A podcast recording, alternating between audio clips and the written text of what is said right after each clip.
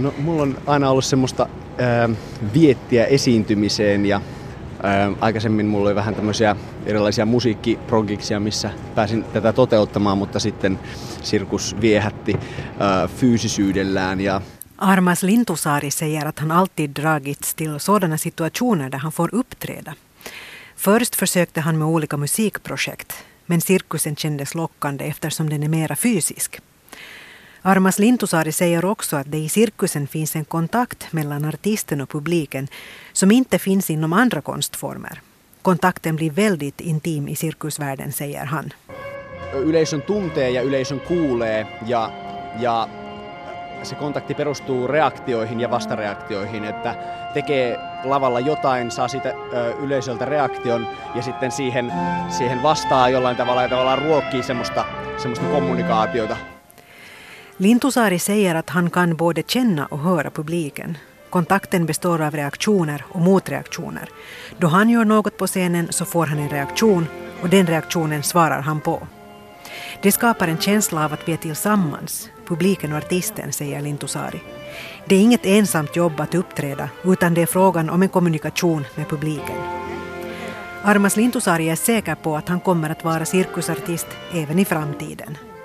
No ehdottomasti kyllä tästä vaan mennään eteenpäin, että tämä on iso kokemus mulle ja meille kaikille päästä näin, näin hienoon paikkaan töihin. Ja tota... Det är bara att fortsätta framåt, säger Lintusaari. Han ser det som en stor erfarenhet att få jobba på Cirkus Finlandia. Det är första gången han jobbar med cirkusen. Men han erkänner att arbetet också är tungt. No tähän asti tämä on ollut tämmöistä mm, totuttelua vähän tähän karavaanielämään ja, ja ylipäätään, että ollaan rakennettu tätä esitystä nyt valoja ja musiikkia ja muuta, että, että tämä on, tämä on ollut rankkaa, mutta sitten niin kun, tästä tulee vielä palkitsevaa, kun pääsee esittämään näitä työn tuloksia yleisen eteen. Nu gäller det att vänja sig vid ett liv där man så gott som dagligen åker från plats till plats, att bygga upp föreställningen med musik och ljud.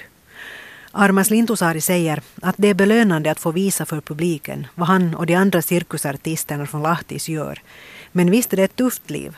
Det är mycket jobb, nästan dygnet runt. No ylipäätään jatkuva jotenkin hereilläolo ja, ja niin kuin, niin kuin useiden fyysisten suoritusten tekeminen päivällä tämmöisissä tois, niin kuin, vähän askeettisissa olosuhteissa verrattuna sitten siihen, kun, kun ähm, koulussa ollaan treenattu, niin on ollut aina lämpimät tilat. Ja... Det är ett väldigt fysiskt jobb att vara cirkusartist. Och livet med en cirkus är helt annorlunda jämfört med vardagen i cirkusskolan i Lahtis. Där kan man öva inomhus och skolan har fina lokaler.